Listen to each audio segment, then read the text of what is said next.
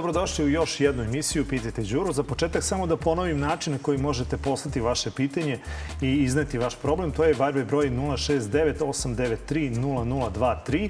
Vaša pitanja šaljite i na Instagram, Facebook i e, Twitter mrežu Pitajte Đuru ili na e-mail adresu pitajteđuru.nova.rs.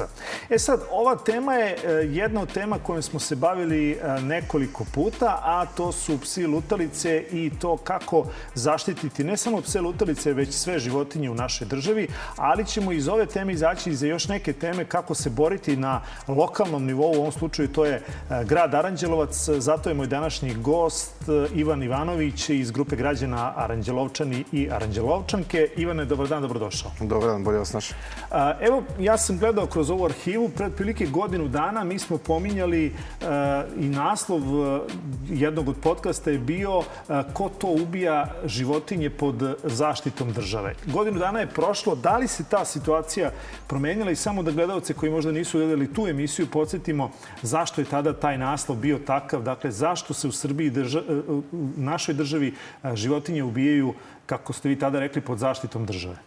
E, tako je, ovaj, to se nije promenilo i dalje. Skoro smo imali izveštaje Državne revizorske komisije koja je utvrdila da država Srbija ne radi zakonski e, sklanjanje napuštenih životinja sa ulice. Također je utvrdila da je Uprava za veterinu nije odradila dovoljno svoj deo posla da zaštiti zakon o dobrobiti životinja. E, također je utvrdila da lokalne samouprave nelegalno sklapaju ugovore sa raznim firmama i privatnim preduzećima koje sklanjaju životinje sa ulice. Eh, utvrdila je da država sama nije ispunila svoj zakon, to je lokalne samouprave nisu izgradila svoja prihvatilišta. Eh, za ovih godinu dana se promenilo da Aranđelovac jeste izgradio prihvatilište koje ispunjava sve uslove, ali to nije dovoljno i to sve stvara problem eh, celoj državi i svim građanima države Republike Srbije.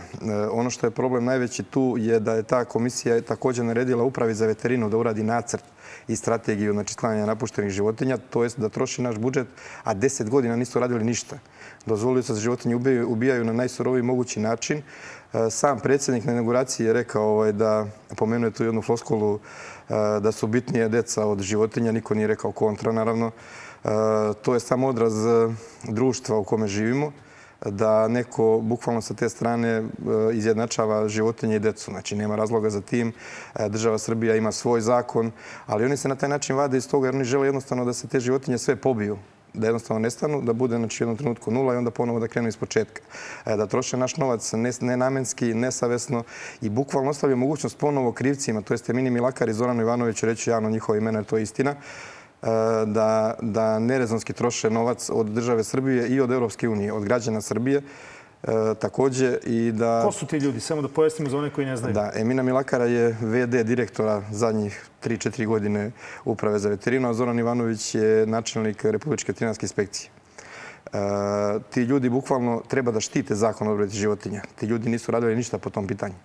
E, država Srbija je ocenjena najniže moguće u Evropi što se tiče zakona o dobrobiti životinja. E, svi znaju da postoji taj zakon, ali taj zakon je samo mrtvo slovo na papiru. A šta je moralo Ivana da se uradi? E, po zakonu, da se zakon poštovao? Tako, do sad je moralo da se uradi znači, obavezno čipovanje svih vlasničkih pasa. Znači, nama ne bi bila potrebna prihvatilišta da se grade. Međutim, pošto nije odrađeno po zakonu, takođe svaka opština koja ima napuštene životinje na svojoj teritoriji mora da ima svoje prihvatilište i time mi sklanjamo životinje sa ulice, ne plaćamo odštete, ne plaćamo milionske cifre. 6 milijardi dinara je isplaćeno e, za tri godine. 6 milijardi dinara je država Srbije iz svog budžeta zbog nerada uprave za veterinu i lokalnih samuprava isplatila na ime odštete. To su nenormalno velike pare. Kad govorimo o odšteti, e, pretpostavljam da mislite znači, e, o, kada nekog ujede pas lutalica, taj neko tuži E, državu, vlasnika ili koga već i na konto toga u ovom slučaju kada su psi lutalice u pitanju, to je onda vlasništvo svih nas, to je države i ona iz svog budžeta isplaćuje i tu se otprilike te tužbe dobijaju Pa u nekoj velikom procentu, tako? U ogromnom procentu svaka tužba je dobijana. Postoje tužbe, znači postoje takođe slučajevi koje smo dokazali da su to lažni ujede, ali to je manje bitno jer je ovo e, sve moglo biti sprečeno samo primjenom zakona. U zakonu stoji da svaka životinja mora biti obeležena. Svaka životinja mora biti obeležena. Da je to samo jednom za ovih 12 godina koliko postoji zakon ispoštovano, Srbija ne bi imala problem napuštenih životinja. I to je ono što ljudi ne shvataju godinama. Imate li možda u nekim svojim evidencijama, bar približno, koliko to E, postoji napuštenih životinja. Preoshodno se tu misle tako na pse e, tako u, u Srbiji. Dakle, o kom mi to broj govorimo? E, pa broj je nenormalno veliki, zato što svakog dana raste. Znači, svakog dana se na nivou Srbije ostavi na ulici preko 7-8 hiljada životinja, znači bukvalno svakoga dana. Dnevno? Dnevno. To je ogroman broj, znači koji se, eh, ali ogroman broj isto njih i strada dnevno. Znači jednostavno mi ne, možemo da ispratimo ceo taj podatak. Na primjer sam Aranđelovac, pošto smo više ušli u tu problematiku, eh, otprilike 450 eh, životinja mesečno se ostavi na nivou grada. Ostavi se na ulici na nivou mesta. 450. vi imate prihvatilište kapaciteta od 100 životinja. Vi ne možete pokrijeti taj broj. I to samo zato što zakon nije sproveden. Da su one čipovane. Mi smo našli vlasničke životinje. u tom trenutku kad nađemo vlasničku životinju, ukoliko nije prijavio nestanak, onda onda vlasnik plaća penal državi. Onda zarađuje budžet, zarađuju građani Srbije. I to je ono na koji način mi treba tako da se izborimo s tim eh, i bukvalno taj problem je bio rešen za manje od godinu i po dana. Znači, vi sad recimo da se orijentišemo na Ranđelovac, pošto dolazite iz Ranđelovca i tamo je situacija i tekako poznata. I na kraju krajeva rekao ste na početku da ste natrali grad da, da izgradi prihvatilište, to je samo da poštuje zakon. Ako kažemo da 450 pasa završi na ulici ili životinja, većinski su to psi, završi dnevno na ulici, to znači da su to vlasnički, mesečno, to znači da su to vlasnički psi? Tako je. Nijedna životinja ne može da preživi na ulici. Jako je mali procenat, znači od onih, eh, oni ostave, na primjer, štence, E, jako mali procenat, možda 1% samo preživi odrasta na ulici. Sve drugo je odraslo u nečem dvorištu i, zašlo, i ostavljeno je bukvalno kada je počelo da smeta. E, to je sad tim terminom rečeno e, kada ženka uđe u teranje, onda se okupi čopor nekih pasa oko nje, jer to je njihov prirodan proces. Ljudi nisu toliko napredovali da znaju da je sterilizacija rešenja za sve to. Stvori se čopor i onda oni da njima ne bi smetali, oni jednostavno pokupe tog psa, stave u kola, dođu do grada, na prvoj nekoj krivini ostave, izbaci iz kola i bukvalno to se dešava svakodnevno.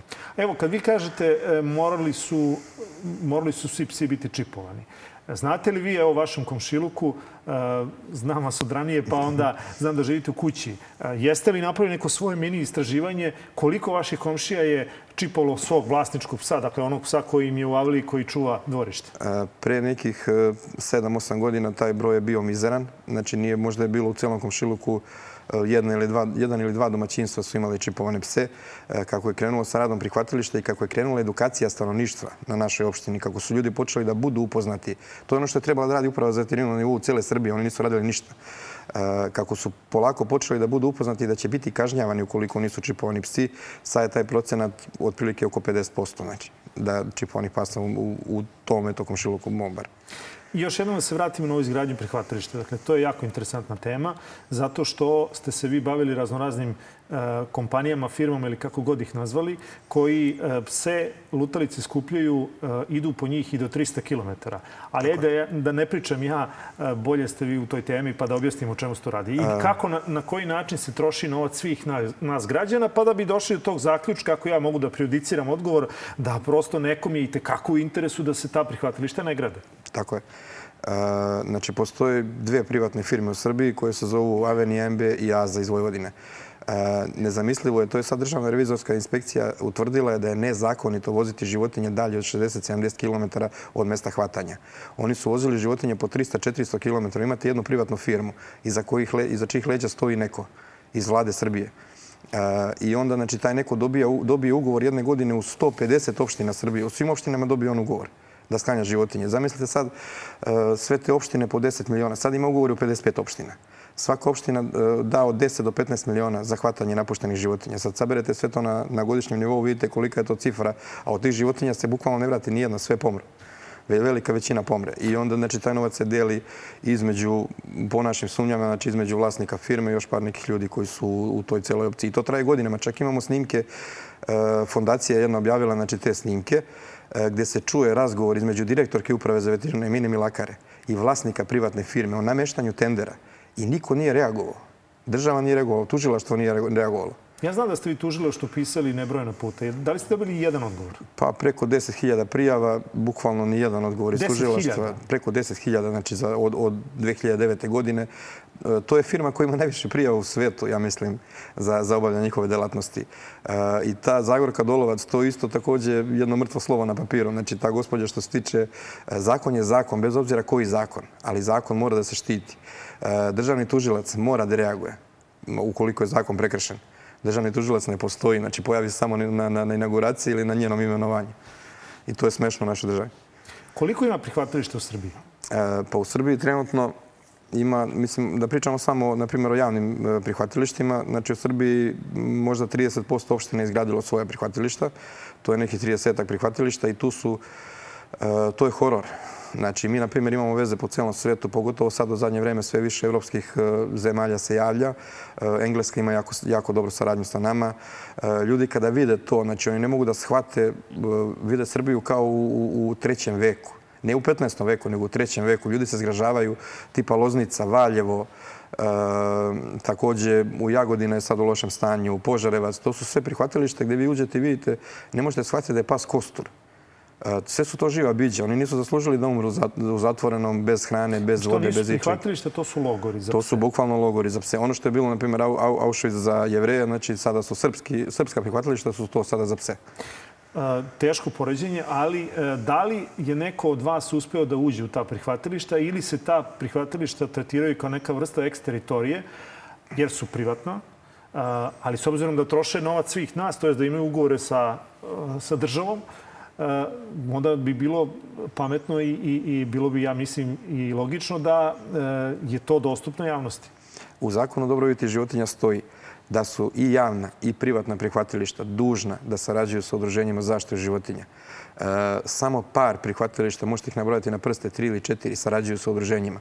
Evo baš ove godine e, Medijana iz Niša je isterala e, udruženja iz svog prihvatilišta jer jednostavno ne mogu da se bore da zakonski rešavaju problem i onda bukvalno svi gledaju kad nema tih ljudi koji se bave zaštitom životinja, oni mogu jednostavno da ostave te životinje da umiru mukama bez problema. To je tipa Loznice, e, Valjeva, sad evo i Niš ulazi to. To i nije prihvatilište, to je samo 20 kaveza. Znači, ne možete verati kako to izgleda. E, kad pominjete te standarde, e, koji je standard, koliko životinja uopšte može biti u jednom prihvatilištu? Dakle, da napravimo samo da ljudima bude jasno Uh, ukoliko prihvatilište ima određenu kvadraturu, koliko u tom prihvatilištu po kvadratu ili kako se to već radi, da. sme biti pasa? Uh, pa, otprilike, znači, po i 1,5 kvadrat po jednom psu je e, projektovan da bude u prihvatilištu za njega u njihovim boksovima. Svi su dužni da imaju ispust i ispusti su otprilike neki deseta kvadrata. svaki grad radi projekat prihvatilišta prema procenju napuštenih životinja koliko ima na svojoj teritoriji.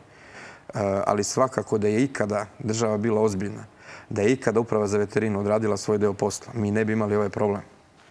Jer mi ne bi imali životinje na ulici. I mi to je ono zašto se sad borimo, znači da, da mi se sad borimo za smenu uh, eh, VD direktora uprave za veterinu, za smenu Zorana Ivanovića zbog eh, bukvalno nečinjenja, zbog nerada, zbog oni ništa nisu radili, samo su koštali državu Srbiju i nas kao građane. Vi se borite i za neke druge stvari. Dakle, po ome jeste postali poznati širom Srbije jer ste blokirali nekoliko puta i Ibarsku magistralu i još neke saobraćajnice. Na taj način ste hteli da skrenete pažnju. Pa ću samo za kraj da vas pitam da li ste uspeli da skrenete pažnju i, i za najavu nečega što tek sledi u julu mesecu. Ali evo da se samo vratim na Aranđelovac. Dakle, nije ovo samo delokrug delovanja ove grupe Aranđelovčani i Aranđelovčanke. Ima nešto i što ste uspeli. Dakle, e, skrećete već godinama pažnju pažnju na e, stanje starog zdanja u Aranđelovcu koje je spomenik kulture i onda smo imali pre nekoliko e, meseci e, da je to zdanje skoro izgorelo u, požaru u potpunosti. Tako je. Ove godine se završava 150 godina od otvaranja starog zdanja, a staro zdanje je već poslednjih 17 godina zatvoreno. jedan jubilej će proći u, u, a mi ćemo gledati jednu ruševinu što je sramota cele države, ne samo naše grada. Uh, upornošću još jedne grupe, znači zajedno s nama očistimo Aranđelovac i uz, uz nas uh, uspeli smo da skrenemo pažnju države, stanom za nju se sad vraćaju sve moguće zaštite, pošto je to kasnije, ranije bilo skinuta je svaka zaštita države. Uh, Kragujevac se stara o, o tome, međutim tu nije bilo nikakvog staranja. Bile su neke sumnjive kupoprodaje tog, tog hotela. Znači to je simbol cele države, simbol cele Srbije. Tu su desile stvari koje su bitne za, za istoriju cele zemlje. Znači ta zgrada je E, simbol jednog naroda i jednostavno taj narod se jako loše poneo prema njoj. E, međutim, e, uspeli smo trenutno sad da se obezbede novac u budžetu, da se obezbedi novac i od strane države. Rade se projekti da se dobije novac i od strane Evropske unije i bukvalno je obećano je i krenuli su projekti da se rade, znači da u toku ove godine, u toku ove godine konačno kreće renoviranje hotela Staro Zdanje. Znači, Staro će ostati Vlasništvo građana Aranđelovca. Ostaće vlasništvo građana Aranđelovca. Neće biti privatno kako je bilo planirano. Tako je, neće. Čovjek koji je kupio, ili tako, izgradio hotel izvor, renovirao, kako se to, tako je, neće. šta je već uradio, on je planirao, ili tako, i staro znanje da... Da, da- bude privatno, mhm. međutim, uspeli smo nekim peticijama, to se neće desiti, ostaće vlasništvo grada i građana, kao što je od starta bilo ovaj, planirano i nadamo se da će uskoro ponovo zasijati svojim sjajem. Vi ste bili eh, u jednoj od akcija koja se ticala i proterivanja narkodilera iz Aranđelovca i okoline. Eh, I koliko sam ja pratio vaš rad, uspeli ste čak da dođe i do nekih smena u policiji jer ste dokazali da je i policija eh, radila zajedno sa narkodilerima. Kako je sad stanje tu? Trenutno zvanični podaci na nivou države Srbije koji se mogu proveriti je da je policijska stanica Aranđelovac najbolja policijska stanica na teritoriji cijele Srbije sa najboljim rezultatima u borbi protiv narkotika.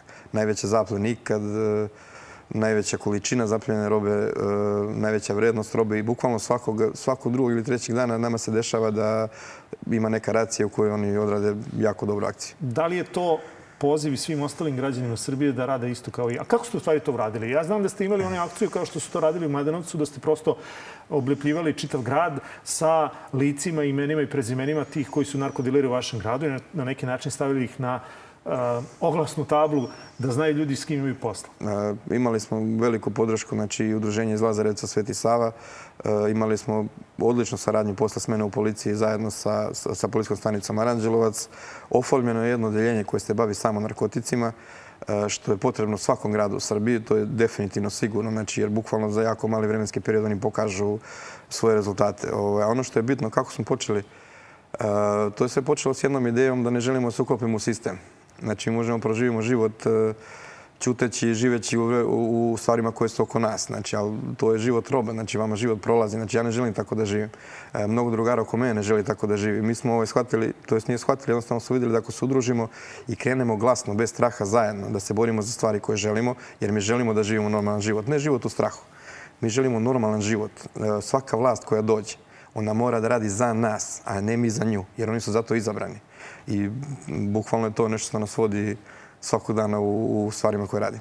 Bio sam na Bukulji kada je gore bio jedan objekat koji je ličio otprilike na ono što liči sada staro zdanje, dakle napušten, e, stecište koje kakvih sumnjivih ljudi i nešto čime se grad pod Bukuljem, kako ga zovu, nije mogao ponositi. Međutim, sada je to e, ta situacija drugačija. Gore jedan restoran koji je uređen i ne samo restoran, već kompletan taj e, kraj je poprimio zaista e, jedno lice pravog izletišta.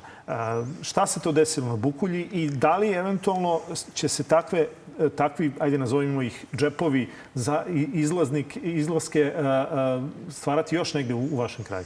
E, pa jednostavno mi smo nekako postali spona između lokalne samuprave i građana Aranđelovca. E, kada god pokrenemo neku priču, e, vlast, to jest lokalna samuprava nas čuje i onda jednostavno ostvarimo kontakt i krenemo u istom nekom smeru razvijanja našeg grada. Budućnost Aranđelovca je samo turizam, jer je jako blizu Beograda, ima idealno mesto, jako blizu i Kragujevca, ima šta da ponudi, ima sjajnu istoriju, ima sjajnu prirodu, bili ste, videli ste tamo. E, te neke e, objekte je kupio čovjek e, iz grada. Znači, I onda bukvalno jako je lako bilo pronaći rješenje, znači ideju, jer svi imamo istu viziju. Znači, mi želimo da naš grad napreduje, mi želimo da budemo dobri domaćini, želimo jednostavno da izgradimo neku sredinu koja je normalna i za posjetiti i za život. Da li to znači da ste vi na neki način natrali gradsku upravu ne govorimo sad o vlasti, dakle, da, da. ne govorimo o strankama, nego govorimo o ljudima koji su građani izabrali da ih predstavljaju i da rade za njih. Da li je, da li je ovo način da građani kroz ovakve grupacije kao što, ste, kao što je vaša e, teraju lokalnu samoupravu da samo radi svoj posao? E, pa sigurno da jeste, zato što e, mi jako lako napravimo peticiju, jako lako okupimo ljude da izađe, da potpišu peticiju. E, jednostavno, svi zajedno se dogovorimo koja je to stvar za koju se borimo. Kada u jednom malom gradu, bez obzira da li mali ili veliki, ali kada steknete poverenje, to poverenje ne smete da izgubite. Politika kao politika je sastavni deo života, ali u suštini vi morate se boriti za ono što je vama bitno, za, za vaš život, za vaš grad, za vaš standard. Ehm, bukvalno sve što odradimo u gradu, sve što predložimo kao ideju ehm, lokalna samouprava, bez obzira ko je na vlasti, Znači, sada da nas čuje, bukvalno čuje svoje građane. I to je ono što je jako bitno. Oni to mora da rade, oni su zbog toga tu. Da slušaju svoje građane i da poboljšavaju njihov standard. Video sam na našoj Facebook stranici Aranđelovčani i Aranđelovčanke jedan interesantan post gde vi kačite da je neko izgubio ključeve. Dakle, to poverenje ide dotle da je neko uslikao ključeve i okačio tu i na kraju je pronađen, je tako, bukvalno. zaista vlasnik, vlasnik tog ključa. mislim, jedan veoma lep primer. Da li ima takvih primera?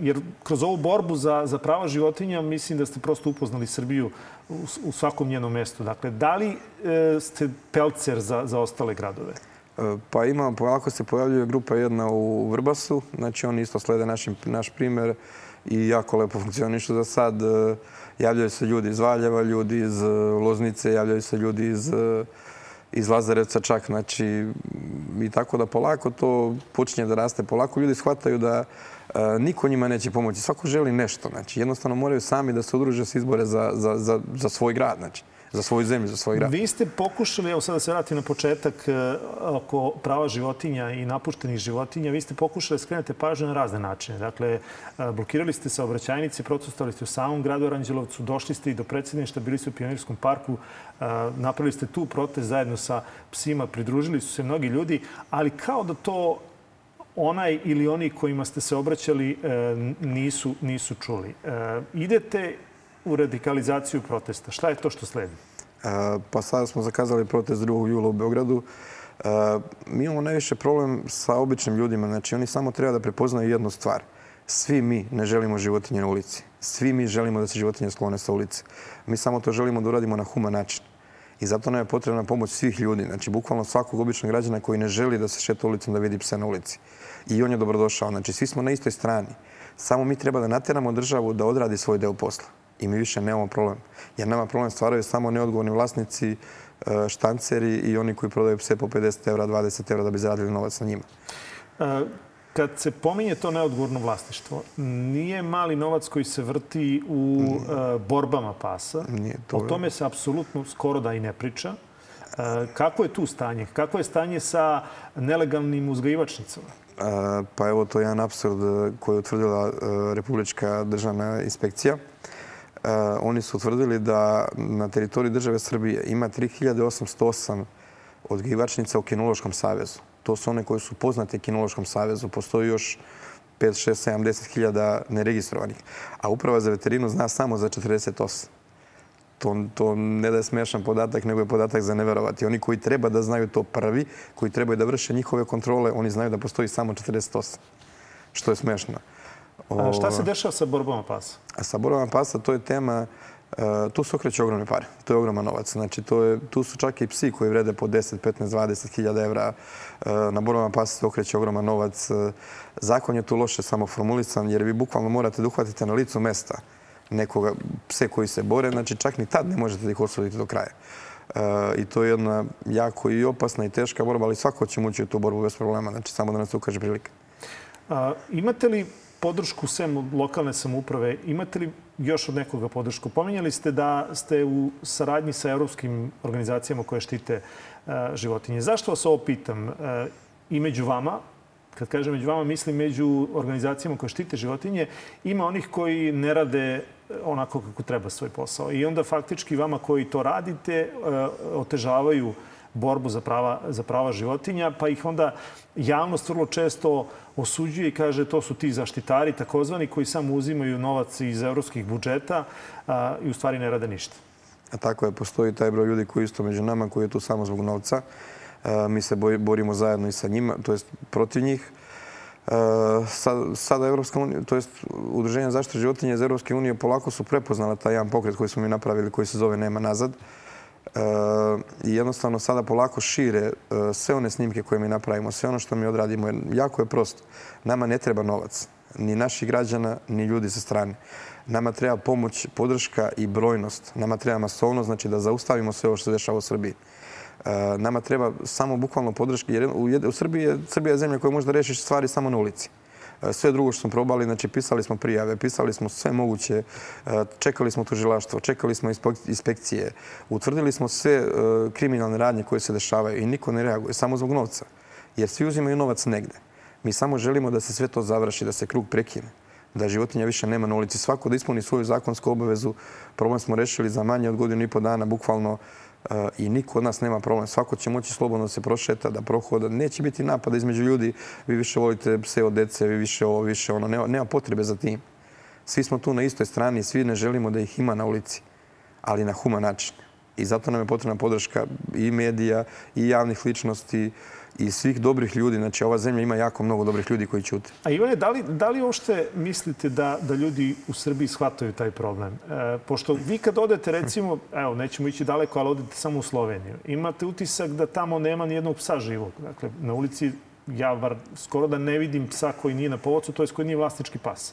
Šta se desilo sa tim psima? Jer oni uopšte postoje. Dakle, gde su te lutalici? Da li oni imaju azile i kako to kod njih funkcioniše? Ili su oni ti zapadnjaci ili evropljani koje će neki reći oni su poubijali te pse i oni ne vole pse? E, pa u nekim državama se to i desilo, ali jako davno. Međutim, kada je e, jednostavno ta svijest kod ljudi dostikla ovaj nivo, e, životinje su prestale se ubijaju i samo je počeo da se primjenjuje zakon. Oni su otišli daleko u primjeni zakona, daleko, daleko ispred nas. Ali to je onaj deo koji naša država nije uradila. Jer jedan deo ljudi koji su u sistemu je pronašao način da pere novac kroz taj sistem i njih ne interesuje da reši problem. Njima to ne odgovara. Zamislite da nestanu sve napuštene životinje u Beogradu, a imate veterinu Beograd. Koliko zapošljava veterina Beograd? Koliko novca okreće veterina Beograd na godinu dana? Njima nije interesu da nestanu životinje. Isto kao i uprave za veterinu koja okreće e, ogroman broj novca znači, od tih privatnih e, prihvatilišta, ogroman deo novca, i njima nije interesu da tih pasa nema. Nama zakon ne dozvoljava da, da ta osoba, znači to prihvatilište, prevoze životinje po 300 kilometara ali veterina ga pušta. A njihov je posao da ga zaustavi. To je sve jako čudno, znači, kod nas.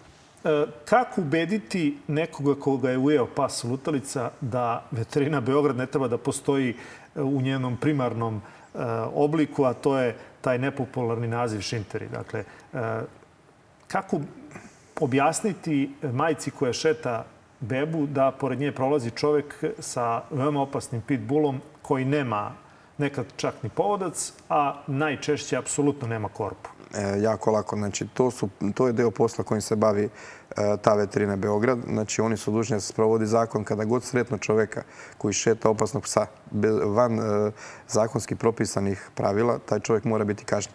To su ti neodgovorni vlasnici koji nama stvaraju problem. E, isto tako, e, širom Srbije da se primeni zakon o čipovanju, nijedna majka ne bi strahovala, to sad što pominjamo, da će bilo koje dete biti uvedeno, jer tih pasa neće biti na ulici kada se primeni zakon, znači on jednostavno nestaju sami, a samim tim nestaje potreba i za nama, zaštitarima, se bavimo tim delom posla. I za kraj još jednom da pomenuo, dakle, 2. jul, koja je lokacija, koji su zahtevi šta ako se ne ispune, šta idete dalje? 2. E, juli ispred Uprave za veterinu, e, Novi Beograd, to je Mladinski brigada 1. E, u 14 časova popodne, subota, pozivamo sve ljude da nam se pridruže. Mi ono što tražimo, tražimo momentalnu smenu vede direktora Uprave za veterinu Emine Milakare, Zorana Ivanovića, primenu zakona o dobrobiti životinja, apsolutno primjenu. To jeste, pošto sad na krajem godine mi ide popis. Znači da se uvrsti popis i čipovanje svih vlasničkih životinja na teritoriji države Srbije. To je e, sjajna prilika i mnogo lagan korak koji može biti odrađen za tih mjesec dana koji će smanjiti broj napuštenih životinja na ulici za preko 90%. Ivane, hvala na izdanom vremenu. Nadam se da će što više ljudi doći tog 2. jula da, da zajednički e, iznesemo problem i da ga što više ljudi u Srbiji vidi da on zaista postoji i da ćemo samo zajedničkim snagama moći da ga rešavamo. Hvala vam puno. Hvala još jednom. Bio to Ivan Ivanović iz udruženja Aranđelovčani i Aranđelovčanke, a vi šaljite pitanja ne samo za ovakve teme, već za sve one koje vas muče na broj telefona 069 893 0023, to je Viber broj, dakle iz čitavog sveta šaljite pitanja. To isto možete činiti i tako što ćete poslati pitanje na e-mail adresu pititeđuru.nova.rs ili na Facebook, Instagram ili Twitter mrežu. Do sledećeg pozdrav, podcasta. Pozdrav!